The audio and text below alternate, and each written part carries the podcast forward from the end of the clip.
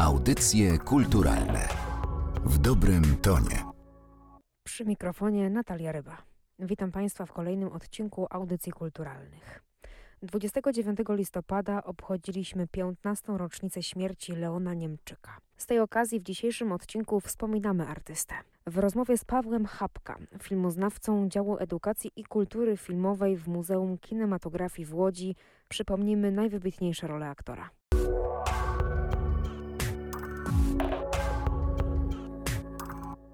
Pierwsze pytanie, bo od czegoś trzeba zacząć, od czegoś trzeba wyjść, to jest 50 lat kariery, ponad, to jest ponad 400 filmów, więc to jest ogromny dorobek. Natomiast, jakby pan miał opisać, jak zaczęła się w ogóle ta droga Leona Niemczyka z aktorstwem? To był przypadek, czy raczej jego ogromne pragnienie od zawsze. To o dziwo był przypadek. To o dziwo zważywszy na to, jak bardzo poświęcił się aktorstwu.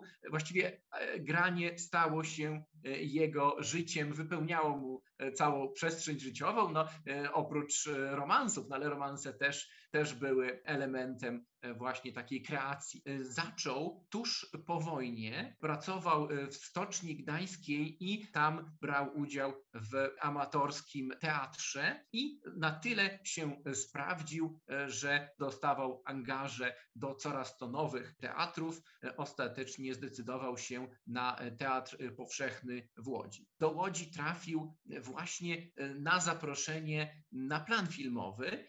Został zaproszony przez Jerzego Kawalerowicza do filmu Celuloza. To była wówczas taka wielka superprodukcja, no, socrealistyczna, ale bardzo ciekawa, taki przekrój społeczny Polski dwudziestolecia międzywojennego i tam zagrał rolę E, dość wyrazistą, e, postać starszą od siebie. Wydawałoby się, że z takimi warunkami fizycznymi, bardzo przystojny, charyzmatyczny, e, zagrał od razu Amanta, tymczasem zagrał osobę znacznie starszą, czym udowodnił swój talent. Chociaż była to rulka niewielka, to Kawalerowicz zapamiętał go sobie i później zaangażował do roli głównej w pociągu. Do pociągu na pewno też przejdziemy, ale najpierw, na podstawie Pana doświadczenia i styczności z literaturą poświęconą właśnie Leonowi Niemczykowi, ja tutaj się doszukałam takiego zdania, że otrzymał on miano Leona zawodowca, choć on sam o sobie mówił, że określiłby swoje życie jako samotność długodystansowca i podobno w jego słowniku nie istniało słowo nie, więc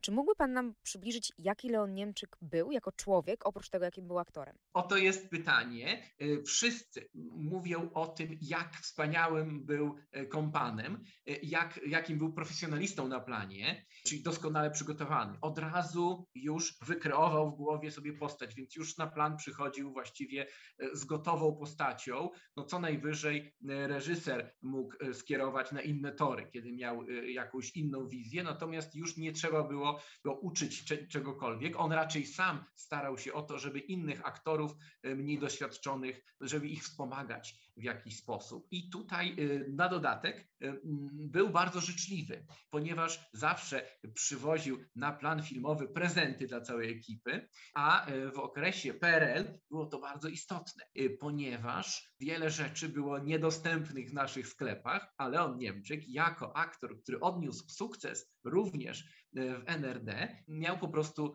więcej tantiem, stać go było na więcej, więc przywoził najrozmaitsze prezenty dla całej ekipy. No zwłaszcza dla kobiet z ekipy. Tutaj właśnie to się wiąże z jego kochliwością. Film Pociąg, o którym pan już też wspomniał, tak prywatnie jeden z moich najukochańszych filmów. Leon Niemczyk w tym filmie, on nie gra tej postaci, która jest egzystencjalnie zagubiona, tylko on się nią staje. My mu tak wierzymy, to jest tak wiarygodne. Może właśnie od tego filmu zaczniemy. Jakby pan opowiedział o tym filmie, o jego wybitności właśnie, może w ten sposób. Tutaj udowodnił, że jest aktorem na modłę amerykańską. No, no, jeśli tak można powiedzieć, po prostu amerykański styl gry, czyli nie kreuje postaci, nie, nie odtwarza, tylko staje się postacią i jest postacią w każdym swoim geście. Kreuje postać nie poprzez, tylko poprzez dialog, e, ale poprzez każdy jego gest jest znaczący. Buduje też postać na niedopowiedzeniach na tajemnicy. Nie wiemy, kim jest. To też oczywiście zasługa scenariusza, e, który dawkuje na napięcie, e, cały czas każe zgadywać. Właśnie Niemczyk nadaje się na osobę tajemniczą, ponieważ potrafi zachować sekret, a jednocześnie zasugerować bogate życie wewnętrzne.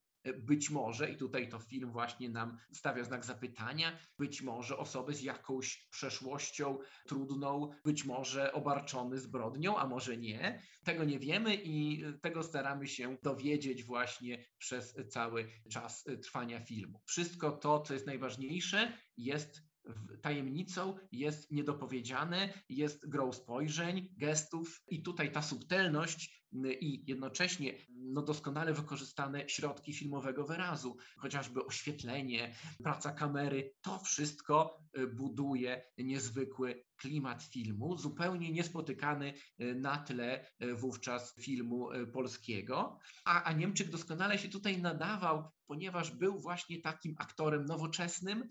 Można powiedzieć, że aktorem, który nie bardzo pasował do profilu, do takiego swojskiego profilu polskiego kina, gdzie bohater pierwszoplanowy musi być rozpoznawalny, musi być taki sympatyczny.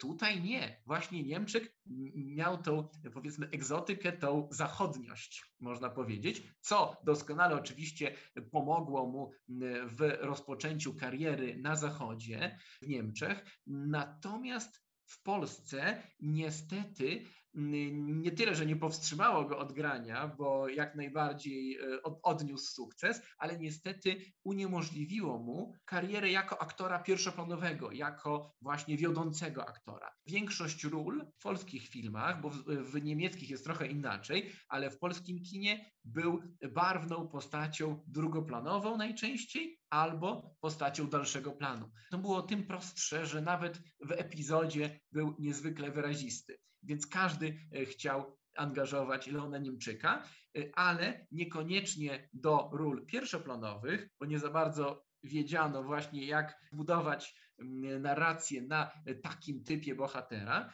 ale na wyraziste epizody nadawał się doskonale. Zdecydowanie i dobrze, że Pan w ogóle wspomina wątek właśnie bycia bohaterem drugoplanowym, bo mimo tego, że w rękopisie znalezionym w Saragossie jest to rola drugoplanowa, to właśnie te role pamiętamy tak wyraziście. Oczywiście, że tak.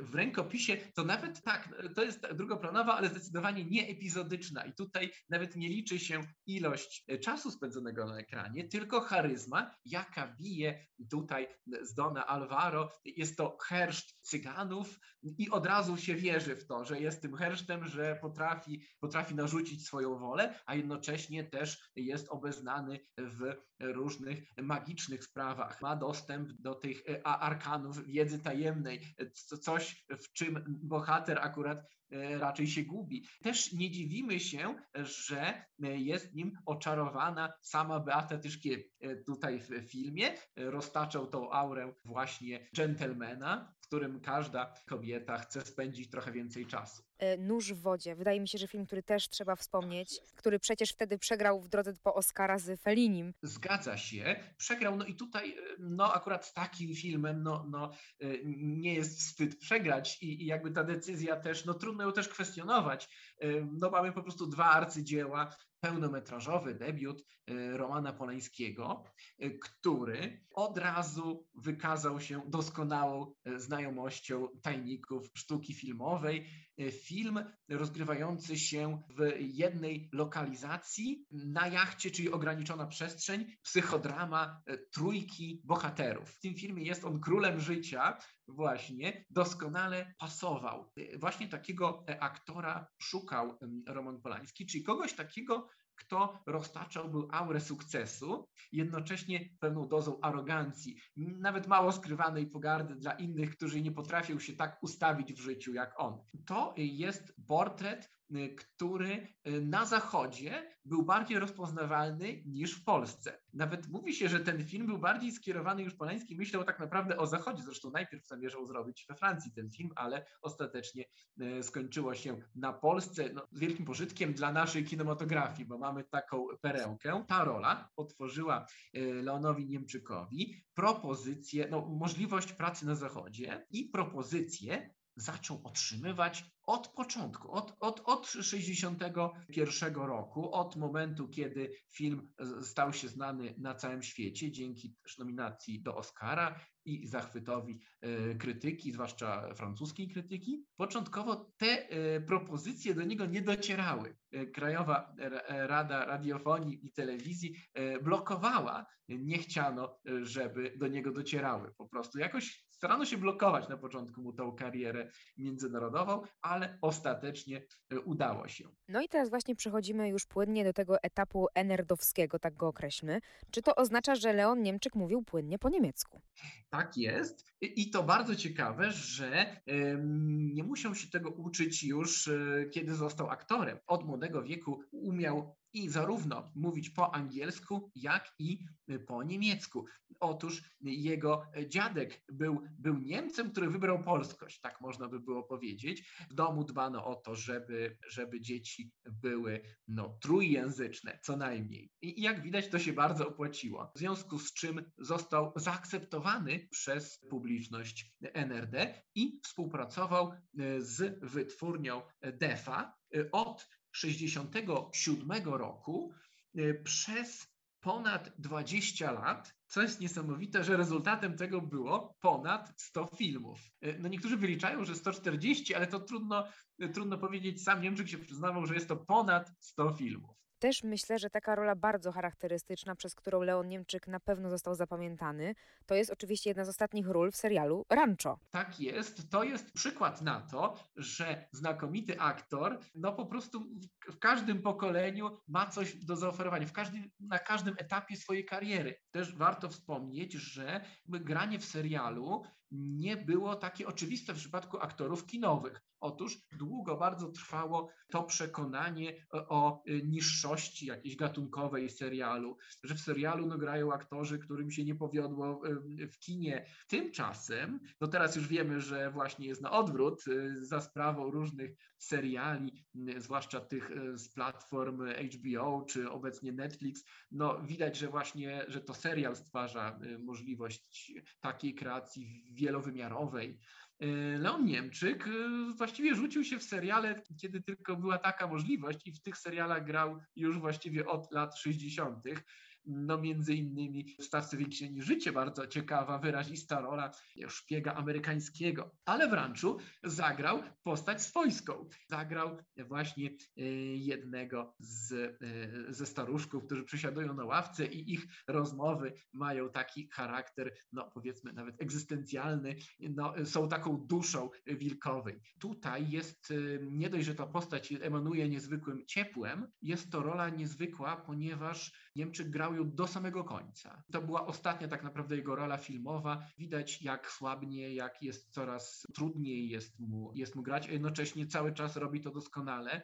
E, też to zostało wykorzystane dla sztuki. To akurat oczywiście sam Leon Niemczyk podjął taką decyzję, żeby grać do końca, żeby nie wstydzić się e, swojej słabości ta kreacja jest pamiętana przez wszystkich e, widzów rancha, pomimo tego, że Leon Niemczyk zagrał bodajże chyba tylko w dwóch czy trzech e, sezonach serialu. Postać i życie Leona Niemczyka przybliżył nam pan Paweł Chapka. Bardzo panu dziękuję za rozmowę. Bardzo dziękuję. Oczywiście tak naprawdę można o Leonie Niemczyku mówić znacznie więcej, a ról jest tyle, że no, jest w czym wybierać, ale to już odsyłam państwa do eksplorowania filmografii we własnym zakresie, a jest naprawdę co? Jest to osobowość, której tak szybko na szczęście nie zapomnimy.